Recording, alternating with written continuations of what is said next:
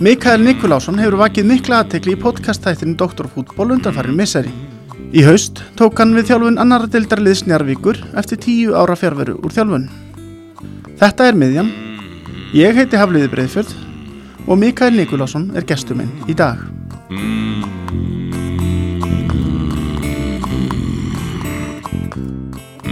Velkomin Miki. Hvernig er velkomin aftur í þjálfun? Uh, það var gaman það er bara mjög gaman og hérna já, eitthvað sem ég ætlaði mér ekki í aftur en, en ég bara uh, ákvaða að taka Mér svona, mér langar að byrja þess að kynna þig fyrir fólki. Þú ert uppalinn í KR já, ég og hva, hvað gerir svo á ferlinu þér? helviti mikið bara sko. Já. ég er náttúrulega bara í KR allengur flokkana þannig séð og búin í Viking hérna einn vetur í öðrum flokk. En aftur yfir í KR, þannig ég er bara alltaf þar. Með góðum árangri svona, frekar. En síðan hætti ég. Bara nefndu þess ekki. Mm. við talum bara reynd út. Það voru náttúrulega Var þetta bara unglingsárin sem að... Já, ég menn ég var upp annar flokkin í Káar inn í meistarflokk sko. Já. Og svo bara fekk ég einhvern veginn ógið Já. og það voru náttúrulega bara stóru mistök. En ég hætti alveg í fótbalta sko í fjögur ár. Ok. og byrja ekki aftur fyrir en ég bara ákvað sko fjórum árum eftir ég hætti 98 þá ákvað ég að fara og þá fekk ég svona smá langaði aðeins að prófa að fara í þetta aftur sko. Ég er búin að reyfa mig í fjögur ár og ekkert farið í fótbalta og ekki neitt sko. Neitt að við einu viti. Og mæta aðeins að háká sem var það í fyrstöldinni nýbúið að fara upp í fyrstöld og svo sem ekki sterkasta hákálið sögunar en, en voru svo sem allt í lægilið en það gekk ekki sérstaklega en ég byrjaði allan að æfa þar og spila og annað og, komst nú í liði þar og, og, og það einhvern veginn ægslaðist þannig á miðju tímumbili 98 að þá fer ég verið í fylki sem kannski menn byggust ekki við uh, nokkru mánuðum áður þegar ég var ekki búin í fótbolti fjögur ár. Og eftir það var þarna í fylki með ágættis árangri í frábæri liði og hérna sennilega bara besta fylkisliði sögunar sem var að vera að búa til þá sem var næstjóri íslmeistari síðan bara árað eftir. Og tókum hann fyrstu deildin og pökkuðum henni saman og vorum með virkilega gott lið með Óla Þórðar og ég fer síðan í Selfoss spila þar og já þú veist maður er bara orðin þú veist eh, eftir það bara orðin 28-9 ára og þessi fjögur ár sátt alltaf í mér. Að hafi ekki verið að gera neitt í fjögur ár frá 20 til 24 ára það bara er ekki, ef menn er að hlusta þetta núna það er ekki, það er ekki mjög góð, góður hérna kóttel eða ætlar að vera góður fótboltamör en ég var alltaf þokkalur og hérna svo ákvaða að taka þetta núma ævintýrið þarna 2003, stopnum við það og það gekk náttúrulega framar vonum og kannski ekkit ólíkt bara kórdrengjónum eða KF eða svona liðum sem hafa verið að gera góða hluti en, en hérna fyrir utan það það voru 0 krónur til. Mm. og hérna en við gerðum góða hluti og næstíðu farnir upp í hérna aðra deild bæði 2003 og 2004 töpuðum hérna fyrir leikni 2003 undan úrslutum og, og svo fór ég bara neitt sísón á Seyðisfjörð spilaði þar 2005 sem var mjög gaman í annari deildinni og þá var ég sannlega í mínu besta standi. Og hefði ekki getið verið að spila ofar þá. En síðan bara hérna fæ ég þetta bóðum að taka af íhjóða því ég var komin í bæinn og ákvað bara að fara að þjálfa. Og gerði það í eitthvað fjögur fimm ár. Og það gekk nokkuð vel þjálfunin. En knaspunni fyrirlin hjá Mikael Nikolusnum í íhjá hann það eðilega svolítið fyrir mér. Ég var nefnilega með bara helviti mikið af mörgum sko fram að íhjá með að spilaða leiki en svona eðilega staðins þegar maður fór að spila annar í löppinni þar og koma inn á og eitthvað svo bara, já þannig að þetta vilja bara enda það, þetta var svona eiginlega huginn hérna 2005 er eiginlega bara síðast árið sem ég spila Mm. En þessi fjögur ár er tíminn sem þú sér eftir sem sagt. þú getur rétt ímyndar, ég var góður í hópolta sko Mm. Hvað varst það að gera í lífinu þá? Ég var bara einhverju djami og bara, þú veist, vinna voru að vinna þetta í tískubransanum og var erlendist 2-3 sömur, eitt í Danmörk og eitt í Gríklandi og bara gera allt annað heldur en að spila fótbolta. Mm. en ég meina, ég var í meistarlokki K.R. sko. Og það var, það var ekki, það var ekki slagi leikmenn sem ég var aðeins með þar, það voru meira og minna bara landslismenn eða fyrirverandi atvinnumenn eða, eða bara atvinnumenn, þú veist. Kom hann James Bettman ég og þú voru Porsa og Dervits og svo fyrir utan alltaf íslensku gæðana þú veist Rúnar og Heimi og Einar Dan og Óskar Hrafn og alla þessar stráka. Það var alveg lið. Þannig að ég hef alveg getað að haldið áfram þar. Líka farið bara kannski eitthvað aðeins slakara lið og haldið áfram og verið í liðinu. En ég ákvaða þetta. Að þú segir samt að hérna, skilabóðil manna gera þetta ekki en það er kannski líka skilabóð að það er leið tilbaka þú veist búin að hættur í Já, ég, ég er að velta að vera stoltur af því hvernig ég kom tilbaka. Og ég, men, ég spilaði fullt að leiki með þetta með fylki og var oft í liðinu, var oft á bekknum þetta líka. Mm. var alltaf með gríðala stert lið ég hafði fullt erindi í byrjunulegi þar, allan tíman sem ég var þar. Mm. og ég held að þið geta alveg staðist það og ég held að það sé bara ágætt eftir að hafa verið hættur í þessi fjögur ár, ég spyrir mig alltaf ef ég hef verið að spila á fulli fjögur ár og æfa alla daga. Mm. já, það er alltaf að vera í þessu fylkisli fastur. Það var ég er, skemmtilega nok tími. ég er nokkuð klár á því. Ha? Það var skemmtilega tími. Já, geðugur, og það var alveg geggjalið sko, og þetta káarlið sem ég nefndi var nú kannski betra á pappirónum en þetta fylgislið mér með Gilva Einarsatna, Finn Kolbens Óla Þórðar Gunnar P, Tóta Dan, Kitta Tom þú veist, það var bara Rappkjell sem hann formaðurna núna. Kjartasturli markinu, þetta var en það settu við stiga með þetta í fyrstildinni þetta ár og, og það er ekki slegið en þó þótt einhver vil halda það, þá er ekki slegið með við prósentuluta mm. og svo voru þeir ekki bara hvað markatölu eða einu stíði frá að vera íslmeistarar árið eftir? Ég man ekki betur, Hver eru þjálfaði þennan? Óli Þórðar. Óli var Hann er þjálfaði, Fylki, var það já. ekki ekki það? já, ég kann mjög vel við Óla Þórðar sko, hann var grjótarður og, og samt línurinn á milli þegar þess þurfti. Mm. inn á vellin og svona, það var að henda sér niður og annað en, en Óli er eitt svo harðasti og ég held að allir geti staðfest það og ástæðan alltaf líka bara fyrir því að ég stóði mig ágætlega hjá fylki var að eira bara að hann var að þjálfa þarna þegar ég kom í fylki að það er náttúrulega ok, ég er búin að vera í hákámi fullir í því og allt svo leið sko. En ég ætla bara í engu standi sko. Ég ætla ekki búin að vera í fótboltan í fjögur ár og svo háká voru nú ekki ekki erfiðust aðvingarnar það er líka skítjöllu þeir þetta sumar 98 En eitthvað hafa verið allavega séð við fylgismennir í Háka þá? Já, Óli Þórðar, ég pakkaði honum saman bara einhverju leik, HK Fylkir og ég hef búin að spila þetta á mótið þeim og ég spilaði mjög vel. Fór á eina, tvær æfingar með Fylki gegnum Óma Bentsen að félagi minn sem var í Fylki 98 við veturinn. Þú veist, ég fór samt ekki í Fylki þá. Spiluðu við þá, vorum í sömu deild stóðum við vel, svo var bara glugginn að loka og voru þjálfarskipti á HK og við náðum ekki alveg saman, ég og Kjartan Másson sem tók við HK þá þannig að ég bara ég man í hvort Ómar tekkaði bara Óla ég ringdi Óla eða eitthvað, fekk að mæta bara eina æfingu og daginn bara sem félagskiptarklukkan til loka og ég ertu bara að standa með þessu æfingu og þeir bara kláraði félagskiptin og sömdu um mig. Og það var ekki stærsti samningurinn sem vilkir við gert en, en þeir eru að klára félagskiptin og eitthvað og ég spilaði einhverja leiki það sísón 98 en svo kom náttúrulega bara heilt undirbúinustímbilna 99 og, og ég hafði nú ekkit verið kannski það voru alveg til duglegri leikmenn heldur en ég að æfa og, og, og hlaupa og annað en þegar maður komaði í fylki og þurfti að fara að taka 12 km hlaupin hjá Óla og allan hefbeðunar að þá væri nú bara spáði hætt aftur sko til að byrja með en maður fór í það á fullu og náttúrulega ég hef aldrei verið í svona formi Nei. og maður fann það bara þú veist, þegar maður komin í svona form þá, veist, þá var maður ekkert, þá gat maður fullt í hópolta sko, en það skiptir bara máli og það er svona sem maður að reyna að prenta inn í leikmenn sem maður hefur þjálfað síðan. Maður hefði kannski geta verið skinsamari sjálfur oft en þarna voru allir í toppform og ég bara óðum yfir liðin og ég hef aldrei verið svona form eins og hún. Og ég hefði aldrei verið í þessu formi og ekki neynir aðri strákarni í fylki ef hann hefði ekki komið sko. Það er alveg klárt mál, því að hann let menn hlaupa og lifta sko, það, en það var ekkit annað. Það var reyðhöllin til þessari viku minni mig og vetunar og svo var bara hérna já, ég meina þú veist ég man alltaf hvernig að mánundasæðingarnar voru sko það er ekki eins og við höfum verið læstir inn í einhverjum kofum um helgar sko, það voru líka lög, erfiðar lögatarsæðingar en mánundasæðingarnar í Óla voru alltaf þannig að við hlupum einhverja 12 kilometra sem sagt á klukkutíma. Eða maður áttir ekki að vera yfir klukkutímanum. Einhverju voru nú 50 mínútur eða hvernig sem það var. Og svo var hlaupið upp í reyðhöll og þar var æfingi 90 mínútur. Mm. og svo var hlaupið úr reyðhöllin nýri fylkisús þannig að alltaf samalega hlaup hafi ekki verið svona 13-14 kilometrar pluss 90 mínútur æfingin svona voru allir mánundar og svo var bara æfing á þriðju degi og þú veist, þá voru liftingar og svo var aftur 12 km hlaup á lögadegi og þetta voru alveg alveg æfingar sko. og svo veit ég bara þegar hann tók við skagan um Gulla Jóns eða það er einhvern veginn Gulla Jóns ég minna það var bara að fara á fjörun í staðin eða eitthvað. Það var ekki þessi stíplurringur það var alltaf fjóri stíplurringur í Óla sko, þeir voru cirka 3 km ringurinn og þeir hlupu bara stanslustildi hvað var hann með á lengi, fjögur, fimm ára eða eitthvað.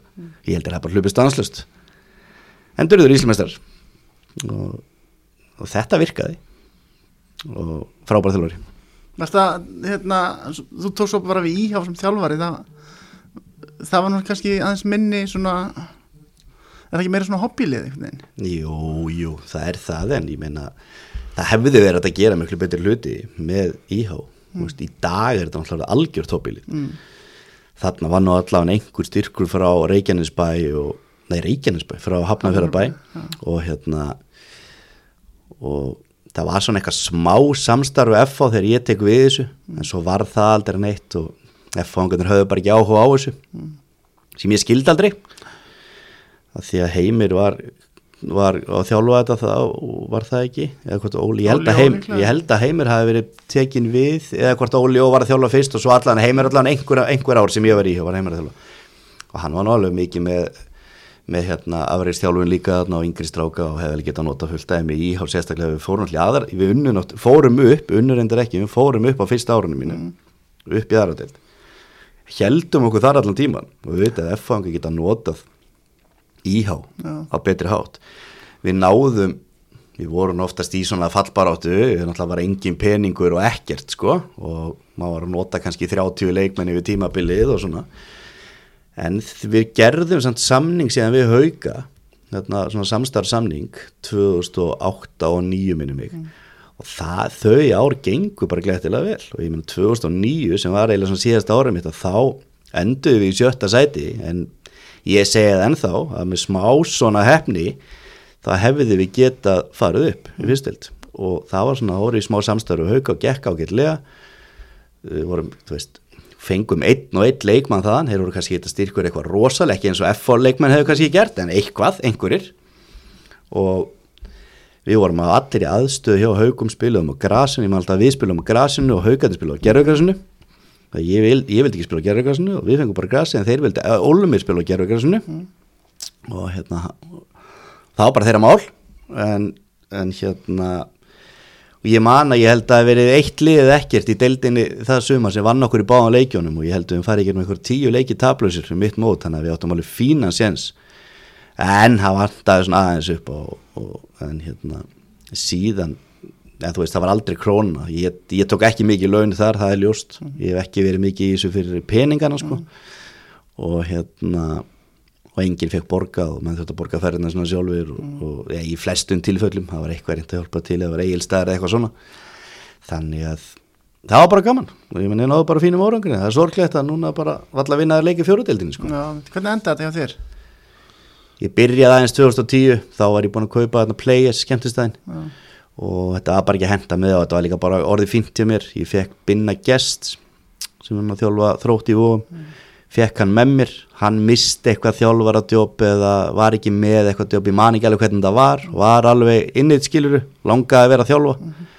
ég var svolítið búin að missa bara áhugaðan, þetta var erfitt. Þetta var 15 árið í rauð alltaf að byrja búin nýtt, fullt af nýju leikmönum og bla bla bla, en ég fekk binna með mér inn í þetta um veturinn og við þjálfuðum þetta bara saman, svo byrjaði Íslandsmótið og ég fann það bara, ég bara byrjaði að playa þessu og ég bara nefndi þessu ekki lengur mm. þannig að ég bara let binna að taka þetta mm -hmm. og mér minnir að sá meistari hafi haldið þessu uppi tæft en heldi uppi 2010 en síðan ekki söguna meir held ég ég held að hann hafi hætti eftir það og svo er þið bara búin að fara niður ja. og ég einhverstað er herjum daginn að það var allir styrkja og hafnaður bara íhá hættir og fá kannski einhver aðstöður í sannum eða eitthvað og það var aldrei slegin við öllurinn hann, það var alveg hætt hann, vorum hann upp á kvalera vatni og það hefði mátt gera mun meira fyrir þetta lið og ég held að FH og Haugar var í bæði komið lengra í dag og sérstaklega Haugar ef það hefði verið í samstarfi og Vantar svona stoppustuð fyrir leikmenn begjalið sem komast ekki beint í misturloka Já, ég bara það er, það er bara þannig. Já. og þetta er það stóri lið. Og líka hafa eitthvað tök á því mm. veist, ég hef alveg geta séð það fyrir mér að þú veist, þegar maður var hérna, svona 2007 þegar maður var all-in og íhá kom bjæðaratild, ég hef ekki að séð fyrir mér að vera að þjálfa með jafnvel öðru manni, til dæmis annaflokkjunu FH mm. og hann hefði verið að þjálfa íhá með mér sem ja. dæmiskilur ég get að loða að það hefði virkað ég veit bara til dæmis í dag nú er Óskar Rapp tekið upp breyðablík og ég veit ekki betur nema nú er bara augnablík það er bara því verið bara gjöru breytt og það er bara krafa ára honum að núna spila bara annarlóstrákar með augnablík og æfa einhver eksa æfingar með breðablík ef ekki, þá bara verður ekki starf annars þar Mm. meðan að í breðablík hefur þetta alltaf verið þannig að þeir eiga að fá að spila en svo bara er þú veist leikur hjá öðrum flokk á lögati jafnvel sem skiptir ekki máli og þá fekk augnablík ekki strákana. Veist, og þá verður ekkert úr þessu. Núna get ég eiginlega lofa þér að augnablík fer upp á þriðudeldinu sumar og hvað heldur að það gerir fyrir breðablík að hafa augnablík í annara deldinu þeir eru með þess að búin að stopna þriðaliðið Mm. og auðvitað er það miklu betra fyrir breðablík að hafa augnablík í toppárið í annara deld þú veist, í staðan fyrir að lána gæjana í Njárvík eða leikni eða, eða, veist, eða bara reynir sangeri eða eitthvað, ákveður ekki hafa það þarna? Hafa það inn á svæðinu, hafa það á æfingum nokkur sinni í viku og hafa það í félaginu. Þú veist, þegar þeir fara kannski í víði eins eða Njárvík eða leikni eða þrótt eða whatever, þá er bara líkildir koma ekkert aftur sko. Já, og þú veist ekkert hvernig þjálfun eru að fá. Núna er bara Óskar alveg með þetta. Þú veist, og ég hef aldrei skilja okkur fleiri gera þetta ekki og kemur ekki óvart að hann sé að byrja með þetta þarna, bara alls ekki. Var gaman að fylgjast með því. Já, það verður það. En svo líða tíu ára eiginlega bara og, og þú allt í hennu eftir að þjálfari njárvíkur en þetta var langur aðdraðandi hann var ekki langur aðdraðandi Ef mikið svona talað um þetta einhvern veginn út af við og Nei. þú væri nú alveg að fara að taka við en, Nei, það var eiginlega bara klárt frá veist, ég bara er það, fund, já. ég hef aldrei þurft að vera að hugsa málinu eitthvað mjög rólega mikið sko. Jú, jú, ég gerði það reyndar í nokkur daga sko. Já. þau er sambandið með þarna. Og fyrst fór ég nú bara að hlæja. Þú veist, ég var að þjálfa, ég segi, ég hætti 2010 en veistu hvernig nafnið kom að borða það? já, já, Gilvi félagi minn sem er með bílútsölunat í, Kefla, í Njárvík, Keflæk Mm. það sem kom inn í stjórnina og nefndi nafni mitt og, og það er ljóst að nafni mitt er orðið aðeins starra í fótballtæminum eftir þess að dóttur fútballtætti, það segir sjálf þótt að það hafi nú svona í fótballtæminum alveg þekkið mig sko, hafi gert í mörg ár á góðu eða illu sko, það skiptir svo sem ekki máli en, en allavega einhvern veginn. Og og hérna, ég held að menn viti það alveg, að ég hef svo sem alveg vita fótbolta, tjáðum um hann lengi og fullt og leis og náði ágætt sárangri. Ég, meina, ég segi bara sjálfur frá, ég meina það er ekkit auðvelt að fara með núma í næstu í aðra dild á fyrsta ári eða vera með íhá alltaf í, í annara dild og fallegi og vera meiri sér efri hlutunum á, í restina. Það er ekki auðvelt með engan penning og hérna þannig, að- en ég er ekkert að setja mig okkur háan hest fullt af góður sem eru miklu betri þjálfar en ég en ég ætla ekkert að fara í þetta aftur. En var spenntu þegar símdali kom? Já, ég get alveg sagt þér líka af hverju ég var spenntur. Ég var spenntur af aðstöðinni líka, fyrst og fremst. Já. og auðvitað fjall Njarvík og mig grunaði að hérna að væri smá upplýsn í þessu. Þeir gerðu fína hluti sér strákar sem voru að þjálfa þarna alveg klárlega. Verður ekki tekið það. En stundum er bara kannski tímin og langur og þá kemur þreyti í þetta þetta eru náttúrulega Njarvíkingar og annað en þeir heldu liðinu, komu liðinu upp ef ég fer með rétt mál í fyrstild, öruglega fyrir einhverju þreymur ára síðan. Og heldu liðinu uppi og náðu endanum sjötta sætinu eða fymta eða sjötta sætinu 2018 þannig að ég vil nú meina, vil nú meina það að það sé góða ráningur, mjög góða ráningur svo bara einhvern greinlega bara komin einhver þreyti í þetta enn í sumar. Og þeir falla og fyrir mér er njarvíklið sem á að vera í fyrstild Mm. já vonandi úrvastild einhvern tíðan en allavega þeir, þeir eru búin að vera ómikið í annar dild finnst mér, þetta er svona típislið sem er alltaf einhvern veginn að flakka eins og IR og afturölding og fleiri lið sem að hafa allt til alls til að vera allan að stabilt fyrstildalið en svo þarf alltaf einhver að falla. En fyrir mér var svona fyrst og fremst uh, ástæðan svo að ég sagði já að það var aðstæðan ég var að viðkjöna það. Ef, ef að leiknir Reykjavík eða fjölnir eða bara eitthvað þú veist, lið sem er bara að æfa úti allan veturinn, hefði ringt það hefði ég sennilega bara sagt nei sko. Slæmir í bakinu með brjósklósa eitthvað henda mér ekkert sérstaklega að vera að standa úti og sérstaklega svo er búið að vera 5-6 í viku. Mm.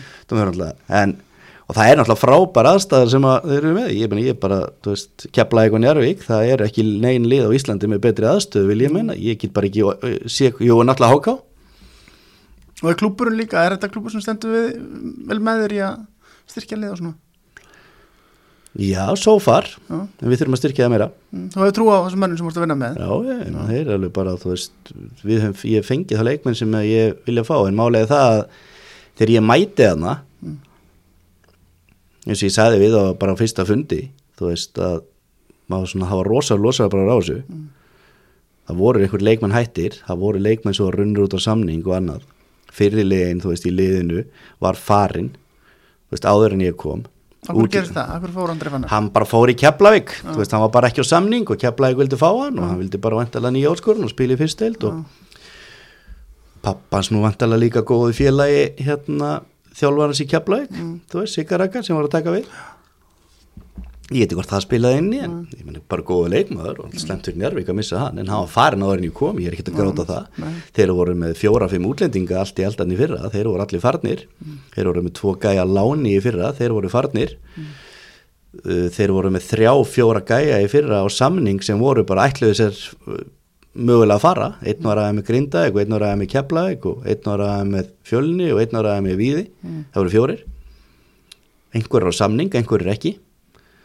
Og tveir þeim sem betur fyrr bara góði leikmenn komnið tilbaka en tveir af þeim eru sem sagt er búið að er búið að hérna selja.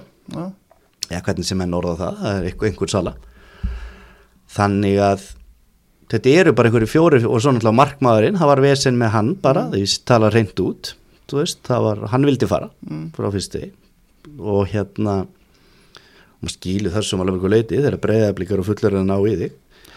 En en hérna þá veist þannig að þetta voru þrýr fjóri leikmenn sem voru að spila þetta í sumar. Mm. að, því Nærvík var ekki að spila mörgum mönnum. Þeir voru að spila 15 mönnum eða okkur viti, eitthvað svo leiðis og voru bara þrýr fjóri sem voru að spila eitthvað sem að voru bara á fyrsta æfingu og voru alltaf að fara að vera þarna. Og þegar það er svo leiðis þá þarf þetta að ná í leikmenn.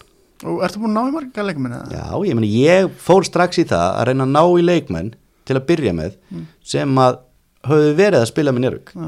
og hafa verið inn í þessum hóp mögulega, mm. meira þess að þessum hóp. Og lega alltaf líka áherslu á það að fá að reyna að halda eitthvað af þessu leikmönnum sem voru með samning og eitt hérna Kenneth Hogg, ég menna bestil maður í liðinu var aðeins með Grindavík hann hérna hann hérna Bergþór Ingi á vangnum, hann var aðeins með Keflavík þú veist og að veit negla þá? Já, þeir eru komin tilbaka. Já. þú veist það er búið að negla þá. Og síðan náði ég í hérna stráka Theodor Eitt sem spilaði með reynir Sandgerði, Atli Freyr stjórnustrákur sem var í Víði og, og Jón Tómas sem var hafsend í Víði. Þetta er allt strákar sem annarkvort uppaldi njárvíkingar að hafa spilað með njárvík, við náði þá alla mjög fljótlega bara ég kom og svo náttúrulega náðu við tvo náttúrulega mjög mikilvæga menn náttúrulega, náttúrulega Mark Ásland sem Já. kemur inn sem aðstofað og náttúrulega úr Grindavík. Það er náttúrulega gríðarlega stert bara fyrir Njárvík og Alexander Magnússon sem er náttúrulega uppalinn mitt. og kemur úr Kortregjónu þannig að þetta eru leikmennin sem eru komnir en menn megi ekki gleyma því að það, og svo voru að klára núna sem þetta Rúnar Gísurason, Ok. Markmann og Reynir Sengiri sem bara hörku Markmaður og það er á staðfest að hann verði með ykkur sumar. Já, ég held að það bara verið klárað að gera hann hefur staðið sér vel í, í vetrarleikjónum Já, þetta er bara hörku markmaður. Og mér, það var ástæðan fyrir að við ákvaðum að gefa basically eftir bara. Við, þú veist, við hefðum ekki þurft að gefa eftir með breðaflík Nei. og Brynjar í markinu vegna þess að ég meina ef við hefðum ekki haft neitt annað, hvað ættum við þá að gera? Láta breðaflík bara fá hann að vera markmannslausir? Það virkar ekki alveg þannig. Nei. en Rúnar var að standa sig vel, þannig að þetta var bara farsa laust fyrir alla. Vonandi, Já. vonandi spila Brynjar eitthvað stóra láni sumar og vonandi verður Rúnar frábæra fyrir Njörvík hvað getur satt með þetta Brynjarsmál hvernig fór þetta fram eða vildi hann sjálfur? Já, hann já, komin í hann var bara- 21. hann var bara- landsliði fyrir á svona. Já, já, var bara að styrja að fara. Ég, var ekki, ég er ekki sammálunum skilur samt afstöðuna að vera í 21. berjast um 21. landslið og vilja ekki vera í annar dildinni Nei, ég skil hann ekki, ekki sem markmaður. Nei? ég skil hann ekki sem markmaður. Ég sé ekki neitt mun á því að spila minn í Arvík eða Víking Nei. það er mín persónulega skoðun. Eða hvar sem hann fer, hvar sem hann verið leiknaði Víking Ólásík eða bara hreinlega breyðablík notan sem var á markmann ég veit það ekki, Gulli gaf hann út um daginn hann var eiginlega bara hættur Já. þannig að maður veit ekkert hvað gerist fáið þið ákveðlega fyrir hann ég er ekki að sjá um það Nei. en það þurfti alltaf að koma eitthvað sérstaklega vorum við ekki með annan markmann sko. Þú veist að að þá hefði að kosta okkur fullt að ná í annan markmann mm. við, það, ekki, ekki líkið fara að koma í mínus út á svona viðskiptum sko. Þannig en, en við þurftum náttúrulega ekki að kaupa rúnar eða fá rúnar frá Spáni eða, eða hann kemur nú bara sangeri bara grjótarður sangeringur Já. Þannig ég veit ekkert með þessu en ég myndi halda það að þetta væri ágetis ágetis hérna dýll fyrir Njarvík peningalega séð en ég ljósi þess að breyðablík vil lána hann tilbaka baðstum að hann er lánað til ykkar Já, ég gerði kröfu á það fyrst Já. sko. og hvernig komið átt Já, fyrst var ég neita og þá sagði þá bara var ekkert að fara að gerast í þessu Já. Ég sem alveg búin að útskýra þetta allt fyrir honum.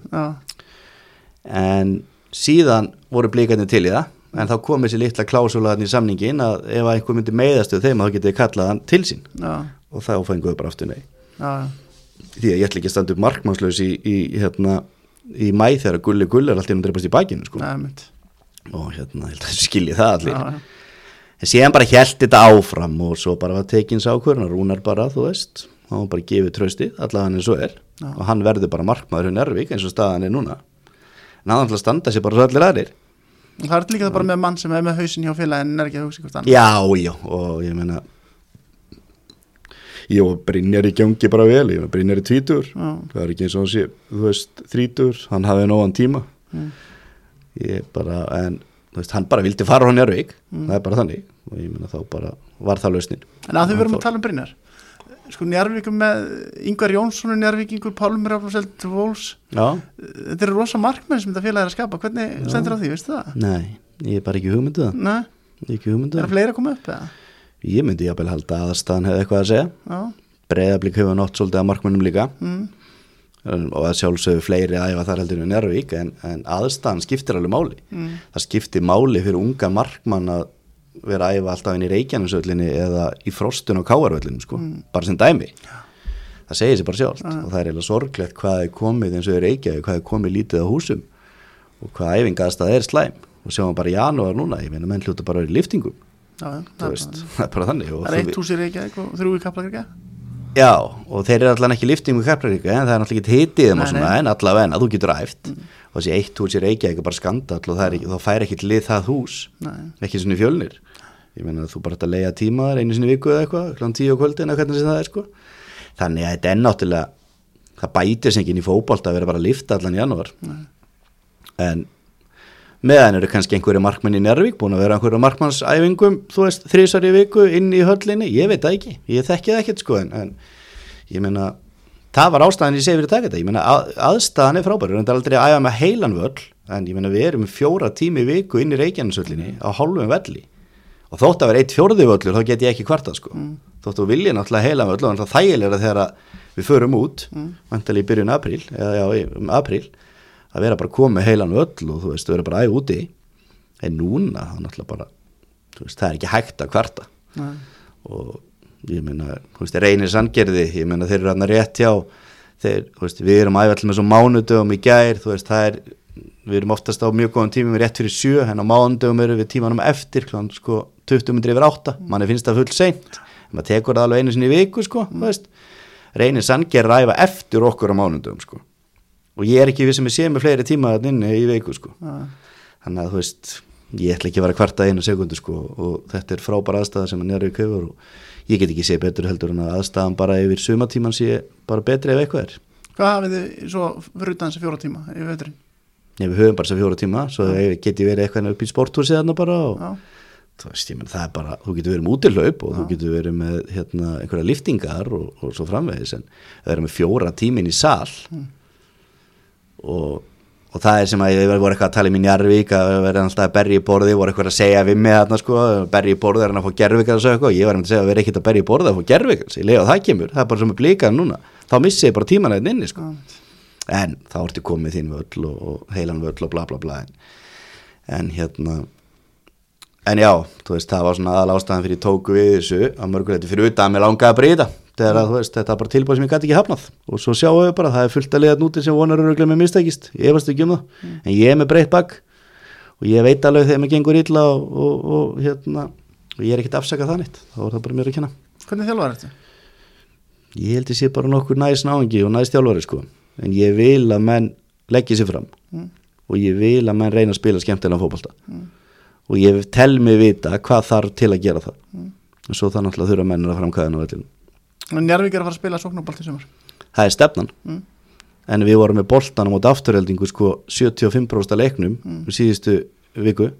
Töpum 4-0 Akkur ég reyndar var 2-0 þegar það var korter eftir eða eitthvað og við fáum vídeo raukt sko. Þannig að það var kannski full stór sigur en það var mjög sangjart við, bara, við vorum bara með boltan alltaf tíman en við vorum bara ekki að skapa okkur neinn færi og meðan skapaði ekki færi þá er kannski oft betra bara að pakka í vörn og, og reyna að skyndi sóknir sko. Já, það er bara eitthvað sem við erum að bæti í og við, eins og ég sagði á hann við, er, ég, við eigum eftir að fá aðeins fleiri leikmenn. Okkur vantar aðeins leikmenn fram á við. Það er náttúrulega, það var mikið farið frá því fyrra.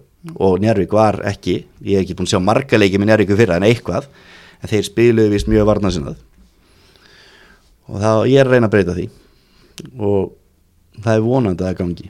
Því að mér finnst þitt frekar leðilegt ég nenn ekki mikið að vera pakka alveg í vörn og vera að bomba fram sko. Mitt. þú veist, ég en það getur vel verið að við þurfum að gera það einhverju leikjum. Og það er kannski verið gáleira eins og móti afturheldingu bara, þú veist, en þetta er að leikur í janúar og ætla að fara að gera það þá, þá er ekkit mikið varið í þetta sko, að mínu mati.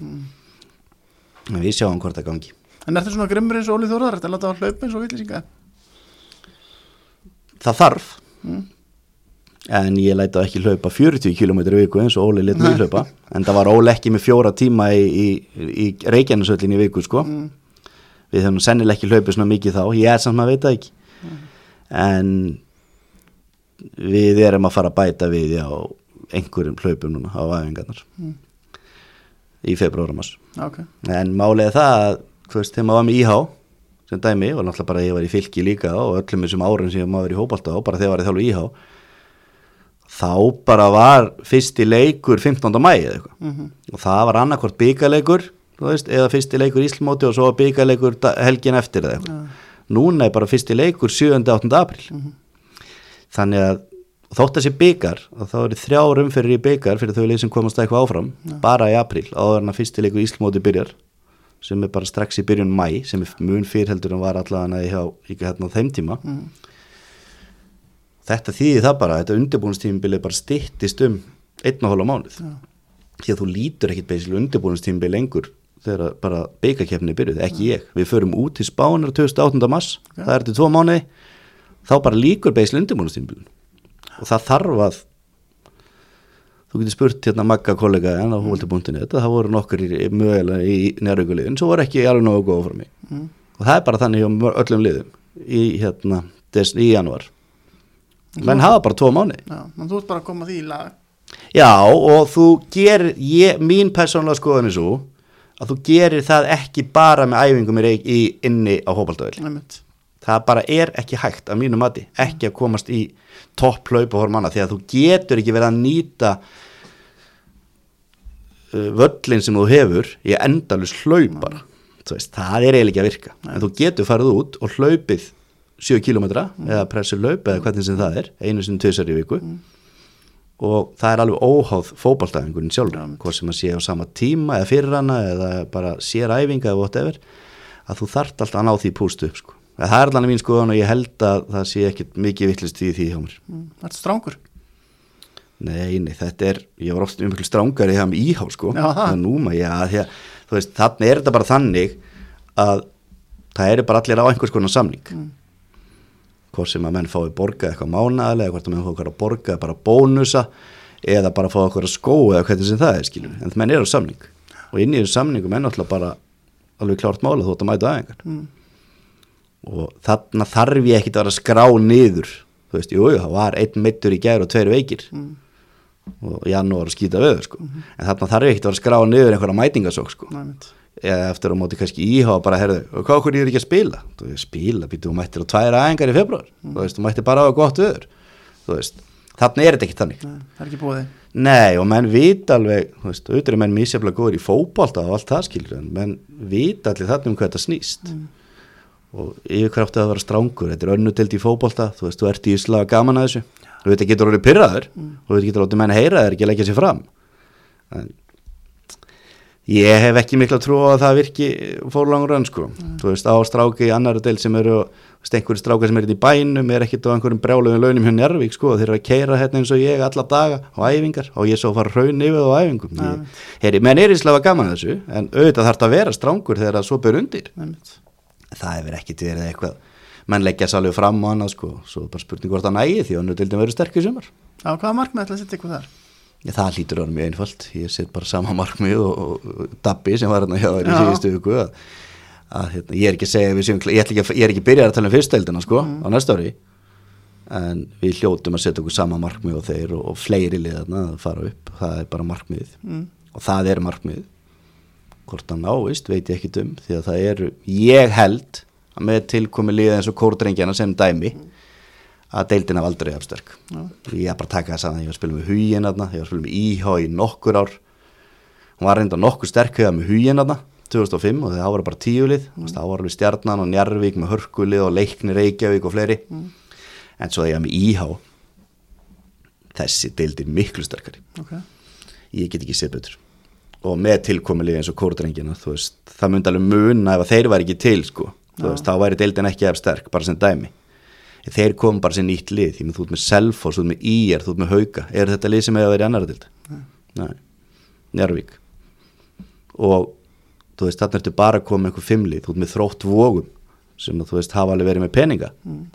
hvernig stað, sem staða er núna? Og ég meina Binni Gess er ekkit að fara að leggja sniðu fyrir einu liðum og maður veit ekki með kára hann annað hvað maður hætti í skagaliðinu mm. þú veist, farið þeir ekki að spila með kára bara mm. fullt efnilegum strákum, Íslmestari öðrum flokk ef þeir ákvaða að nota það þar og síðan ertu með öll þessi lið út á landi ég meina, leiknum fórskursverði var spá falli fyrra til að fá útlendingar rétt fyrir mótu að vinna deildina ég meina, fjárðabík getur verið spá falli núna þeir geta fengið útlendingar rétt fyrir mótu að vinna deildina þannig að ég sé ekki hvaða lið þú veist, Dalvik reynir völsungur ég veit manni, þú veist, KF þú veist, það er svona spurning með lið eins og KF, völsungur einhver svona lið sem að kannski ákveði, ok, við ætlum ekki að við ætlum bara að að halda okkur uppi, við erum ekki að fara að taka þetta einhverja fimmsins útlendinga. Mm -hmm. þá munið alltaf verið í basli í 22 leikja móti, held ég. Og en þau getur tekið í tvo, þú veist, eins og sérstaklega völsungur endalst efninu og leikmannum veist, það verður engin leikur þarna auðveldur. Við getum auðveld að tapa öllum þessu liðum en við erum alveg sjálfur með gott lið sko, ja. og verðum alveg með það. Og við eigum auðveld ekki líka að geta unni öll þessu lið. Þannig að ég held að formið og því tengt muni skipta mjög mjög máli þessu 22 leikja móti. Og ég held að verði mikil aðtikl og sér að deilt líka þannig að menn þurfa að vera með hausin rétt skrúðan Það sé alveg klárt, ég ætlaði að mynda að spyrja það næst út í hvaða lið þú ætlaði að keppa við að mú komast upp en ég heldur að það sé búin að nefna Ég nefnaði ekki öll en ef ég ætti bara að setja þetta núna með það sem ég er búin að sjá, ég ætti bara að setja þetta núna á blað, þú veist bara núna og ég, og veist, með fullri virðingu er öllum í slimir, ég segi, þú, það er bara þannig. Það er ekkit lið þarna sem að þú veist, ég menna þegar íhá komaðn upp fyrst að þá gata alveg í er sagt þóttu við reyndar gerðum jafntefnit í bæði í er og selfos það ár það voru það held í liðin sem voru upp. Þau gátt alveg hugsa fyrir tímabilið. Bæði í er og selvos, herru íhá er ekki að fara að berjast við okkur um að fara upp. Mm. getum náttúrulega alveg misti á móti menn við erum miklu betur leðan þér. Mm. ég sé ekki droslega mikið svo núna. Yeah. nema þá mögulega eins og ég segja eitthvað lið sem að munum kannski eins og ég hef búin að heyra eins og KF sem dæmi búin að missa náttúrulega kannski 2-3 bestu mennina sína og ef þeir ætla ekki að taka henni til staðin þá verður þetta auðvitað erfitt. En ef ég ætti að setja blada núna þá myndi ég segja kórdringirnir, Selfos og Ír þessi þrjúlið ættu öll að verða fyrir vonbröðum ef það fær ekki upp og ég sá í er spila leika moti fylki um daginn í Reykjavík þú veist, jú, jú, það vantaði á fylki eitthvað mér alveg saman, það voru fullt að góri með fylki sem voru að spila síðan sumar mm. Ólafur Ingi var að hafsendanir uh, og fleiri gæjar þú veist, sendir hann að Valdimar og fleiri og þeir bara, í er voru bara miklu betri mm. og unnið í er var með svona nokkur þessi sterkasta lið, en þeir líka unnið fylkir úrstild og kórdrenginir eru með örgulega svona heilt yfir flestu bestu hópaldamennina mm. Selfos er með tvo útlendingar sem er að eiga að spila í úrvastild Svindlkallar í dildinni Já, já, annars skoraði 20 okkur mörku fyrra og var samt ekki valin bestileikmaðurinn í liðinu. Mm. þannig að, og fullt af ungum efnilegum strákum, 17 ára landslismenn 2 sem voru að byrja inn á því 17 ára landslið í síðustu viku og svo stráka sem er náttúrulega 20-25 ára. Þessi lið verða fyrir vonbröðum ef þið fari ekki upp, en Njarvík verður það líka. Þannig að En þú ætlar að segja menn til þess að gera það. Hvað hva ert með marga menn í huga yfirbútt? Uh, sko, það er eiginlega frágengið með uh, eitt leikmann sem var að spila einn á Íslandi í sumar, útlending. Fúfúra? Nei, hann er bara á reynsluhaugur okay. og það er ekki búið að ganga frá því ennþá. Ok Uh, hann heitir hérna, ég get nú bara svo sem alveg sagt það því að það var alveg búin að klára þetta, ef það klikkar þá bara klikkar það, ah. en það var alveg búin að klára þetta hann er hérna Sjandar Silva sem spilaði með haugum síðan sumar okay. hann er, við erum sennilega búin að ganga frá því en svo eru náttúrulega bara þessi strákar sem eru, allir þessi strákar sem ég nefndi á þann ah. við fengum náttúrulega í segja, Kenneth Þók og Begga sem hafa voru mögulega að fara mm. og síðan eru bara strákarnir sem voru allir í sumar sem eru bara hörkuleikmenn að við þurfum meiri breytt, nei þurfum meiri breytt og, og meiri ótt í hérna fram á við. Og við erum að skoða, við skoðum það að fá einn hérna einn hérna framherja. Og ef við fáum alveg góðan framherja alltaf berjast í þá strákar sem eru þarna. Þetta eru mikið svona kant, strákar sem geta spilað á kanti frammi. Að þá er ekki, þú veist, ég meina byrjunlega okkar verður þá bara mjög gott. Það er bara svoleiðis, ég meina en það þarf svona að, þau eru það líka í hinulegun og ef þú ætlar að berja stöðu þá vart að vera með þetta. Og við bara mistu mikið af leikmunum, ég meina ég segi þeir voru með einhverja þrjá, fjóra útlendingi fyrra. Þeir eru allir farnir. Þannig að ég veit ekki með Barros hvað það gerist með hann, hann er búin að ræða aðeins með okkur. Alltaf af mikið meittur og náðu þess ekki að stryk með kepla ekki sem var, já já svona, þú veist, það þetta er hörku spilari, ég meina hann er sterkur og, og allt það, en hann er búin að missa svolítið úr. Ok það verður bara svona hann og stjórnin að ákveða sko, ég vil alveg fá hann sko. En, en mikið er svona frekar á fyrir hann komin allan með okkur, hann hefur verið að spila og býra þarna og, og er með fjölskyldu þarna og, og þetta hendar honum alveg vel. En ætlar að segja framherja viðbútt, ertu að horfa á það út eða? Ertu með mann hérna? Nei, ég Hver ekki, hvað íslenski leikum geta skora lengur? Veist, Albert Brynjar fór í kortringina hann hérna Brynjar Jónasar sem var í HK fór í hérna, Tókitt sér í Selfossi ég veit ekki hvort ég er sem með eitthvað svona 15-20 marka mann. En þetta skiptir bara svo miklu máli. Og já, ég við ekki það, við horfum ég sé bara ekki þann leikmann hérna sem að hefur, sem að, ef að því að ef þú getur skora 15, nei 20 mörg í efstu dild, nei í annari dild eins og allir þessi sem ég var að tellja upp þessi þrýr þá svona í flestum tilföllum ferður bara í efstu dild, allan í fyrst dild og ég get alveg fullir það að Albert Brynjar geti verið að spila með fjölunni í sumar og skora nokkuð mörg Tókic geti verið að spila með slattaliðum í efstild hann var í breðablík sko. Og hann hafði ekki alveg fungar þar þá er breðablík jafnvel bestælega á Íslandi í dag. Og Brynjar Jónasar var fasti, fasta maður í HK í byrjunuðinu þannig að það er enginn sem segir mig það því að vera annar ef þú átt eitthvað svona fyrir mig ef þú getur, þú veist, Guðmundur Steit til dæmis vil koma í hérna Nærvík, sem ég efast um hann vilji hann er ekki með lið. Þannig bara gengur í sem fyrir marga dæmi. menn að finna já, ef hann er komin í Njarvík og hann er að hlusta þá myndum við vantarlega að skoða það. Sem dæmi, en það eru bara ekkit mikið svona, með svona görum og þeir sem að geta skorað eru gulds í gildi. Hefur hringt í Gunnstein? nei, tekuðum eitthvað aðeins á honum. Ég, ég, ég var gerðið hann reyndar ekki. Ég held að það var einhver sem að teka á honum en ég held að hérna, hann vil náttúrulega bara spila í efstu deild en það er hann uh, miklu meira nógu góður í það. Og ég held nú alltaf að hann var að fara í háka en það er nú alltaf ekki búið að ganga frá því. Ég veit ekki. Mér erum sagt að þú hafa sett spennt bóðan alltaf hátt og reynd að fá Guðmann Þórisson líka til þessu ykkur Nei, nei, ég, við erum bara mjög góða vinnir, ég og Guðmann.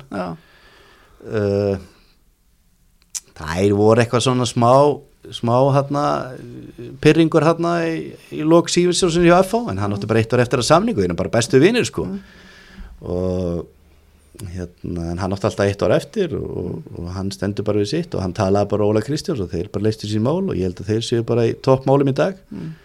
En það var áður en að Marka Ásland kom, sko. já, en það segir nú alveg samt hvernig þú ert að hugsa að reyna við Guðmann og fá náttúrulega markmann Ásland í Já, hann kom bara beisli í veist, það þurfti ég meina það fór hafsendin ég meina báðir hafsendinir frá Njárvík eru sko farnir, hinn hann fór í þrótt þarna alligir Mm. Já. sem var þarna í Njárvík útlendingurinn er farinn Mm. sem voru svona að spila mestu flestu leikina. Vinstri bakurinn er farin í víði.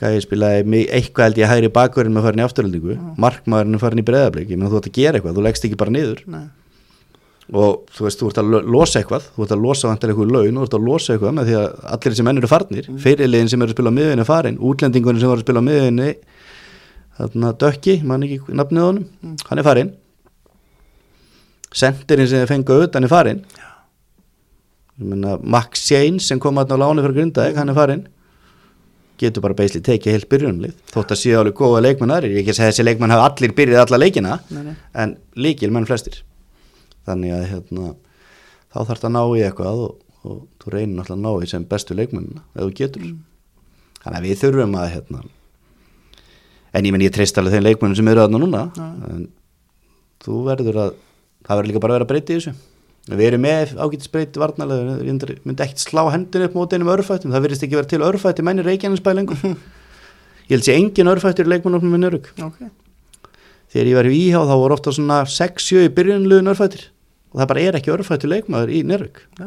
og ég var um að spurja um daginn einhver, það verður bara hættir að framlega þannig í Reykjanesbæðin. Þannig að við erum ekki með neitt örfættan. Ok.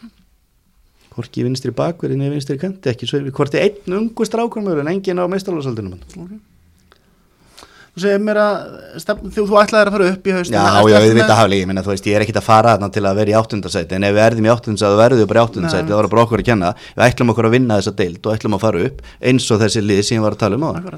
En það, það sem ég ætlaði að spyrja út frá því var, ertu með svona einhver langtímamark með metalið? Sér þetta fram á að vera þetta lengi Ég gerði tveggjára samning, og ég er einu svona standaði mínu samning ef menn hafa áhuga á því, Mm, svo getur það breyst eins og þú veist, mitt. þjálfun og, og þú veist, ég geti verið hættur hann í júni og ég geti verið þarna 2024, sko, þú veist, en Já, markmiðið er náttúrulega að koma liðinu upp og markmiðið er að koma þessu liði upp sem að þarf eins og ég er búin að segja þetta nokkur sem þessu þætti sem þurf, þarf að breyta slatta mikið. Mm. þóttu þurfu nú ekki að breyta alveg mikið og maður kannski sá fyrir fyrir einu, tvei mánuðum. Og það, þú veist, það þarf að gera það á tiltölu stuttum tíma og markmiðið er að fara upp í sumar. Og ef það tekst að þurfu ekki að gera tíu breytingar á næsta ári. Að vera að þessi strákar sem að myndu þá fara upp ef það myndi ganga gætu flestir gengja því vísu þau myndu veist, æfa eins og menn næsta vetur og gera þetta fullu og þá geta þær allir eða lang flestir spilað í fyrstild og þess vegna farið í topparotna þar veist, það er bara svoleiðis. Þú veist, það er flestir sér leikmenn í Njárvík eða margir sér leikmenn í Njárvík myndi alveg treysta alltaf að spila í fyrstu deildaliðum sko. Ok. alveg klárlega. Það eru miklu sterkari deildin sem þú sagði ráðan þetta frá því fyrir tíu árum síðan þá önnu deildin, þetta er ekki þetta er ekki hobbydeild lengur. Nei, og eins og ég segi bara þegar þú fær svona lið eins og kórdrengininn sem kemur bara svona nýtt lið að þá náttúrulega styrkir að deildina. Og allt í hún er þú veist ég, með, ég er ekki að gera lítið úr eitthvað eins og leikni fáskursfyrði, það gerir frábær hluti fyrra. En leikni fáskursfyrði gæti alveg mögulega þú veist eða hugin sem er, ekki, sem er bara samin að hötti núna. Þessi lið, hugin var í fyrstdeild fyrir 3-4 ára síðan eða eitthvað. Þessi lið geta lendi í svona tímabilum að vera bara í annara deild og vera bara eitthvað fallbissufóður mm -hmm. skilur, að því að það er ekkit lagt mikið eins og hugin vantilega endaði í restina þið mennst þetta því. Já. þú veist, og allt ruggli í restina þannig að mætti ekki leika eða hvernig sem það var veist, endaði þannig. Ég sé ekki þannig í sumar, í staðin er bara komið lið eins og kórdrenginir sem ætlaði sér bara alla leið. Og auðvitað styrkjar að deildina. Já, og þegar ég var þarna á sínum tíma að það voru alltaf með íhá, þú veist, þá sá alltaf okkur við getum alveg að halda okkur uppi, við vorum náttúrulega eitt af þessum fallbissu fóru liðum, það segir sér bara sjálft með engan pening og, og þú veist, og mikið að nýju leikmönnum alltaf og við höfum farið á stemningunni sama með Magna Grenivík, sem lengin peningur þar, farið á stemningunni þeir voru ofta að berjast við okkur þú veist, þannig í neðri hlutunum, þessi 2-3 fyrsta árin. Og fleiri og fleiri lið þú veist, þannig að hérna og þá var lið eins og IR og afturöldi bara eitthvað risa lið þessari deild. Ég meni IR er ekkit risa lið í annari deild í dag. Nei, nei. IR getur alveg farið upp en IR getur alveg líka enda fyrir neðan miðju. Það er klart en þegar ég var með IH þá var IR í þessari deild einu sinni jafnvel tvisvar og þeir voru aldrei að fara neitt annað heldur en upp. Einmitt. og Selfoss var einu sinni og Haukar, þú veist, 2007 fyrst árið okkar, minni mig já, fyrst árið mitt og fyrst árið á IH í annara deild, þá voru Selfoss og Haukar í deildinni og fóru bæðu upp. Og það var vitað áður en að móti byrjaði að Selfoss og Haukar voru að fara upp. Þau voru með langbestu liðin. Selfoss og Haukar eru bæði í þessari deild núna 13 árum setna, en þau eru ekki kláru upp. Nei. En þarna voru þau 99% upp veist, og það er bara, þetta er munur og þannig að hérna, og þau eru bara komin að það aftur, Já. 13 árum setna Ég ætla að fara aðeins út af bröndinni og hérna tala aðeins um Dr. Fútbol. Já, Gríðarlega vinsæll podcast áttur, hvernig kom til að þú endaði hérna? Þú voru, þetta var slegið gegn hjá okkur. Já, heldur betur. Þetta er nú eiginlega bara svona fárulega vinsælti, ég segi sjálfur frá maður er bara eins og David Beckham einn á djamminu í Reykjavík stundu sko. hjá er reyndar kallpenningnu meira heldur en kvennpenningnu sko. það þurftum kannski að vera að bæta eins kvennabóltanum að nýns og, og hengi mér aðtikli það sko. en þetta bara ég og Hjörð var alltaf bara góða vinnir Já. og hann byrjaði sjálfum en á þátt þar síðasta sumar þegar að HM var í gangi held ég þá var ég nú bara úti að stiða landsliðið og ásand þér og fleirum og hérna svo kem ég heim og hann byrði um að koma þarna í eitt þátt og ég man ekki, ég held að það veri svona einn og hálfur mánuður eitthvað svo leiðis sem að ég kom kannski þrísvar eða eitthvað hvort hann var með þetta tvisar í viku. Og hérna og ég kom hann eitthvað þrísvar eða eitthvað og ég var einmitt einu sinni hérna með Magga hérna á uh, hérna, samstagsfélagðinum og, og einhverjum tveimur öðrum veist og þá var hann bara svona að taka inn hinn og þessa sko og ég var bara eitthvað að mæta hérna og bulla eitthvað um HM og eitthvað veist þarna alltaf byrja með. Síðan einhvern veginn bara örugglega í svona ágúst þetta byrja einhvern veginn í júli einhvern veginn svona kannski í loka ágúst eða eitthvað ég mannaði ekki að þá dettu við inn á einn þátt einn eða tvo þætti saman ég og hérna Kristján Óli sem er náttúrulega æsku vinnur hjöpa já, þú veist, já, þeir eru búin að vera vinnir mjög lengi. Og það vita allir hvernig Kristján Óli getur yfir kjáft og veit mikið um fótbolta og svona segir oft sína skoðanir. Og það, ég bara, þú veist, þetta maður er bara svo fljótur að gleyma, ég held bara eftir tvo þætti þá var eiginlega ekkert aftur snúið í þessu sko, se- eins og fyrir hjöpa sko, þetta bara einhvern veginn smellpassaði, þetta virkaði. Og það var bara svona eins og Maradona Canizia sko, með Argentínu hérna 1990 sko, þú veist. Að þetta bara einhvern veginn þetta bara smellu virkaði og, og svo bara á mjög stuttum tíma þá var þetta bara alveg fárlega vinsælt. Allt í einu fólk bara að fara að byrja, byrja mynda sem er í bænum. Já, já, já, þú veist og, og hérna öruglega þeim líka og svo hjöpa lengi og, og hérna en, en hérna, já, bara ég segi nú bara þannig en, en, en það er mjög vinsælt og hjá bara veist, ég held bara öllum aldri náttúrulega fyrst og annars kallmenn, ég held að séu alveg oft yfir 30 manns að hlusta á hvern þátt sko. og það er helviti mikið sko. Og, og hérna en það held ég bara að veist, þetta sé skemmtilegt. Og við séum bara að gera þetta nokkuð nokkuð vel, veist og við erum ágætlega tengdir inn í hitt og þetta og við, það hefur oft óttið hjá okkur sem að svona eitthvað slúður eitthvað sem hefur farið í töðvarnar á mjög mörgum og, og ég vil svona hálfpartin e- meina það og ég er alltaf að beðast á bara fyrir gefinu núna. Ég vil svona hálfpartin meina það við erum bara eigðila tímbili fyrir val síðasta sumar. Það var betri við á núna í sumar. En við veit eiginlega menninda sjálfur bara á vellinum en það fór mikið í töðvarnar og þeim til dæmis all, allir þessi umræða sem þeir náttúrulega búa bara til en við erum bara til að fólk hlusti og hafi gaman að þessu Og Eru það- margir að skamma þið þá? Ég held að Hjöppi fá hann alveg slatta tölvupóstum sko, ég hef fengið einn og einn, en ég hef alls ekki fengið mikið sko. Nei. Ég fæ nú, bara fengið 99,9% hrós fyrir þetta og svona, en það eru öruglega einhverja að núti sem eru að bölva manni. En þegar maður er að segja sannleikan, sem maður reynir nú, þá eru það alveg erfitt að, og þess vegna sagði ég á hann, að hlakkar í mörgum að mér gang gítlaði sumin í Erviki, ég varst ekkit um það, og ég, það, það var líka einn áskorunum fyrir ég tók þetta, jobb sko. Já. Það er bara gaman að því. Og ég gerum alveg grein fyrir því að það er ekkit líðandi fyrir Njarvík að tapa 400 fyrir afturöldingu sem dæmi með fullir virðingur afturöldingu og Maggi að gera góða, hluti þar mér. En og örgulega margir sem hafa gaman að því en enn er kannski ekki að rauf lifið í sko í janúar. Nei. en ef við byrjum fyrst að leika móti völsung og töpum 3-0 þá fæ ég alveg að heyra það sko. Ég held að völsungu fyrsti leikur. Og þannig að hérna þannig að það er bara hluti að þessu. Og menn verður bara að geta þær með breytt bak.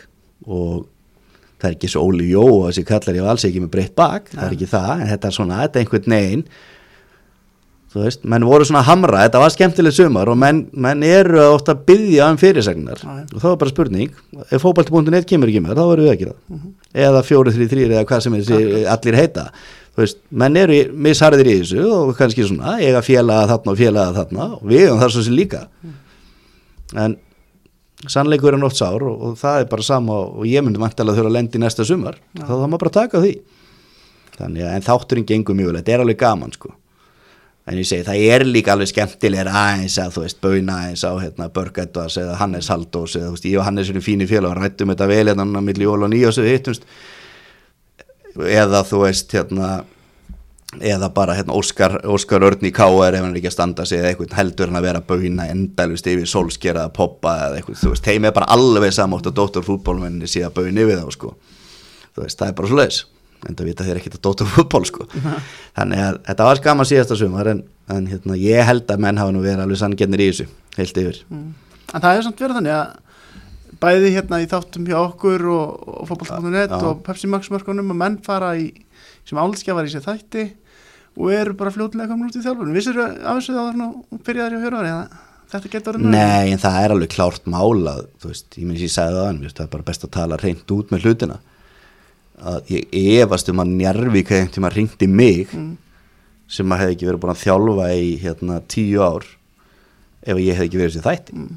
Þú veist, það er bara þannig Já, já, en á móti kemur þá hefði ég alveg ef ég hefði haft rosalan áhuga sem ég hafði ekki fyrst, en núna er það náttúrulega komin og þá fer ég náttúrulega all-in í þetta eins og þeir getum vantal alveg staðfest að nýja Njarvík að ég fer alveg all-in í hlutina sko.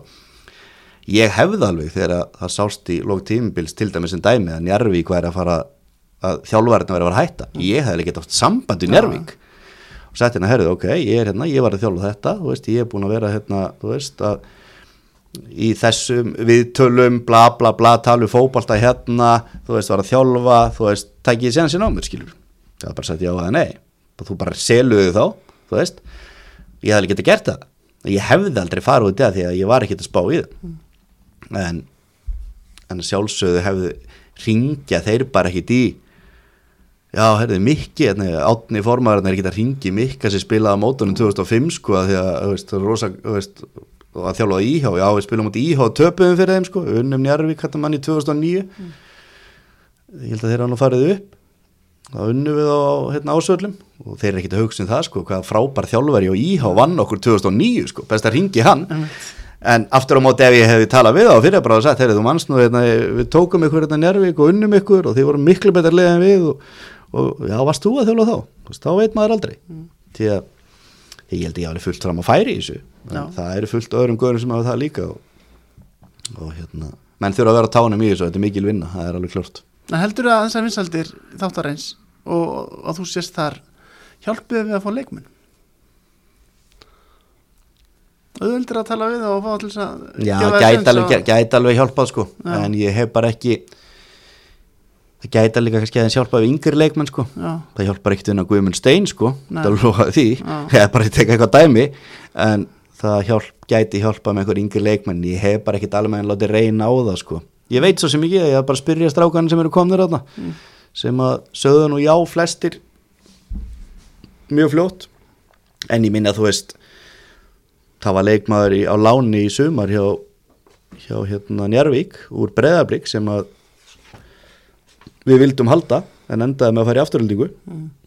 hann tók allan að einnar einstjórum fótbolta.net fram yfir Dóttar fútból það er erfið samkefni fjölmjölamann já, já, þannig að, nei, ég segi bara svona, ég þú veist ég veit ekki, ég meina hann allavega fór ekki í Njárvík og, og ég er alveg búin að missa menn, ég meina ég misti einn í, í fjölni og einn í viði í gardi og annað, en ekki voru þeir að spá, ég veit eitt hvort þeir hlustir svo sem að þáttinn en, en jú, ég meina, það gæti alveg verið að, jú, að það hérna að sumi leikmenni, það er bara þannig að, að maður er ekkert að hrúin leikmennum veist, þetta er nokkurn veginn komið hjá okkur í leikmennum ég legði mikla áherslu á það að klára þetta helst fyrir jól, það náðum svona ekki alveg en ég nú leggja áherslu á að klára þetta helst fyrir mánaðamót. Að þá sé ég bara leikmannamálin frá því ég er ekki að fara að fara að ringja hérna í annarkvært þjálfar í Pepsi-deildinni í apríl og fá lánaða leikmenn sko. ég er ekki að fara í það, það verður ekkert þannig. Það er mestalega eitthvað einn leikmaður og eitthvað kemur upp á sko. að leikmannhópan það er líka bara, veist, þú verður bara að bera líka það respekt fyrir þínu leikmannhópa mínu, mínu viti að þú ert ekki að láta menn æfa allan veturinn. Við erum fyrir með æfinga hér menn eitthvað að sapna fyrir því og þú ætla að æfa allan veturinn og spila. Þóttu, þóttu við séum reyndar að spila flesta leikina inni meðan önnulegur er ofta að spila flesta leikina svona úti en við getum ekki kvarta mikið. Þegar nú reyndar alveg vilja fá fleiri útileiki samt. En að þá getur ekki, þú er að bera það mikið respekt til leikmennum að þú getur síðan bara ekkit í april bara þú veist, þá ringir hérna breðablík og þeir eru til að losa tvo í Njárvík en þeir verða að fá að spila og svo ringir Káar og þeir losa eitt sko í aðra deildina og, og þeir vil endilega kannski koma í Njárvík að því að Dóttor fútból hann að Mikael er þar sko og vilja prófa það og þá er alltaf bara komið 5-6 leikmenn og þá bara er það að henda leikmennum út sem eru búin að vera hjá þar allaveg veitum þeir eru æfa núna og þá verður þeir að verða að fá sénsinn Þú ert að gefa leikmannhóknum þetta lofar núna. Já, ég, bara, ég er að segja er að, veist, að við erum að hérna, stefna það koma tveir til þrý leikmennu uppátt og koma ekkert fleiri leikmenn. Nema bara hérna, bara koma einhver hrigaleg meðsli eða eitthvað skiluru eða ég veit nú í hvernig glukkin lokar nema bara við drullum alveg upp á bak og glukkin er þá opinn, en nei nei, við erum með ég meina byrjunleginni á Njarvík eru leikmenn sem hún er búin að spila fullt, fullt, fullt að leikjum í fyrstu tild með Njarvík og með öðrum liðum. Þú veist, ég get öruglega að tala upp eiginlega allt byrjunlið sem er mjög reynslu mikið bara í fyrstu tild sko, þannig að það er engar afsækana fyrir þá, þeir eru að vera klári í þetta.